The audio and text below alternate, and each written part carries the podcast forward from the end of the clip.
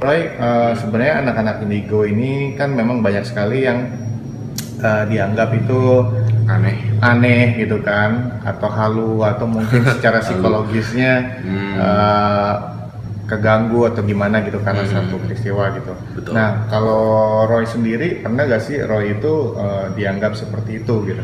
Ya, iya pasti pernah dong ya pasti. Dan uh, itu itu udah udah bagian dari anak indigo dibully dan halu udah pasti banget. Tapi gimana caranya kita menanggapi diri kita sendiri kan mm -hmm. jadi uh, aku sih dengan hal yang paling simpel dulu. Jadi dengan menerima diri kita dulu nih gitu kan terus mm. udah gitu kita buat catatan kecil tiap hari mm. jadi aku selalu dikte uh, diri aku dengan saya ini ini ini saya punya ini kelebihan saya ini gitu. dan itu aku tulis di jurnal setiap hari setiap hari setiap hari secara otomatis dia melekat di otak aku gitu dari kita dulu deh terima dan ketika hmm, orang lain bilang halu gue udah gak terpengaruh karena sistem otak gue menerima apa yang gue ucapin gitu di dalam alam bawah sadar gue gue bilang gue oke okay, pasti orang lain ngomong ini gue nge enggak ah gitu ketika mereka bilang halu enggak gitu jadi gue mencatat semua memori-memori itu dari kertas dulu aku hmm. adalah orang yang ini aku adalah punya ini kelebihan ini jadi sekarang jatuhnya tuh lebih lebih lebih tenang kalau dibilang halu atau mau dibilang anak iblis di netizen kan jahat-jahat ya kalau hmm. ngomong hmm. haters tuh gila-gilaan kalau hmm. ngomong juga suruh rukiah lah suruh hmm. apa dan segala macam hmm.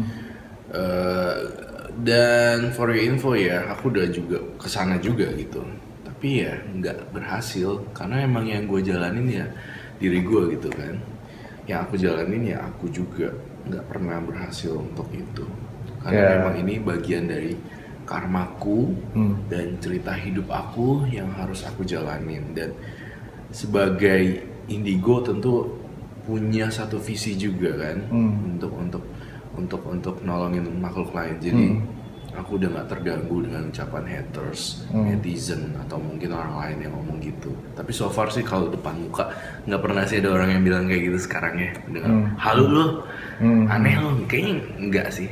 Hmm. Mungkin apa gue cuek juga ya dan, dan hmm. gak terlalu pusing gituan sih sekarang. Tapi dulu dulu dulu pusing sih, dulu pusing. Uh, mikirin banyak, uh, dulu mikirin orang ngomong apa. Hmm. Dulu mikirin uh, mereka ngomong dikit gue udah yang tersinggung gitu kan kalau masih kecil kalau sekarang sih enggak ya hmm. Hmm. gitu jadi intinya adalah gini saya uh, kasih tau lagi pertegas buat teman-teman yang mungkin indigo kamu catat-catatin uh, impian-impian kamu apa dan kelebihan-kelebihan kamu apa? Terima itu sebagai kelebihan dulu. Catatin itu tiap malam. Hmm. tiap malam harus rutin ada banyak coretan. Nggak perlu rapi-rapi tulisannya yang penting lo ngerti. Cukup lo ngerti aja nggak usah dibaca orang juga hmm. udah cukup. Hmm. that's it. Udah gitu setiap kalau udah tulis itu lama-lama akan tercipta satu opini di dalam otak kamu. Ketika orang lain ngomong gila lo ya lo orang gila. Dan itu kayak udah udah udah ngeblok uh, satu area kayaknya nggak mungkin hmm. terpengaruh sih hmm. nah uh, gimana kalau justru hmm. sekarang menjadi anak indigo atau orang indigo itu menjadi tren sekarang Yeah. Terus uh, semua orang kayaknya pengen jadi indigo wow. bahkan iya sih. jadi pengen dibuka mata batinnya, jadi pengen ngeliat karena mereka wah keren aja gitu kan panas. Hmm. Nah menurut lo itu fenomena kayak gitu gimana tuh?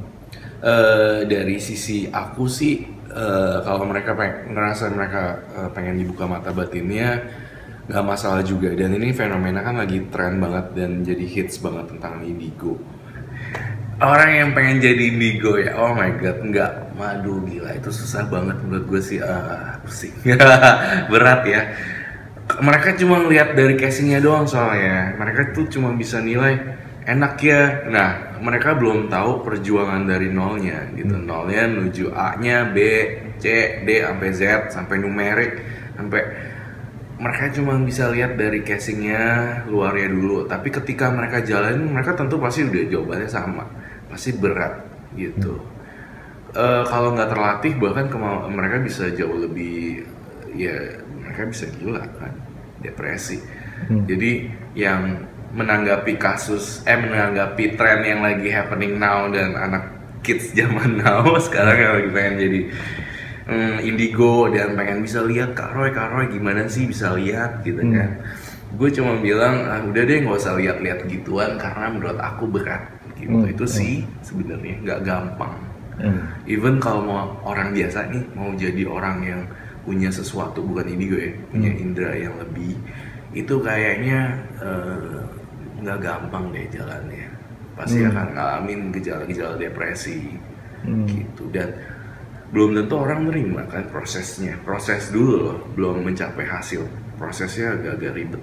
Hmm. Hmm. Itu sih sebenarnya. Oke. Dan yang paling gila lagi adalah gue suka mengkoleksi boneka yang ada isinya. Nah, itu tuh. Kalau nggak ada isinya atau cuma boneka pajangan, boneka plastik itu gue nggak akan beli. Atau salah satu dari mereka, Hmm. terserah Roy mau pilih yang mana. Kalau gue pilih salah satu, tunggu, wait ya, gue nanya dulu. Anak-anak kalau misalnya Anto pilih salah satu, kalian jelas kan? Eh, oke. Ya, ya, ya. Aman nih. tuh kan dia jiwa jelas tuh. Yang ini rada-rada ngambek kan? Oh, dia bukan ngambek kan?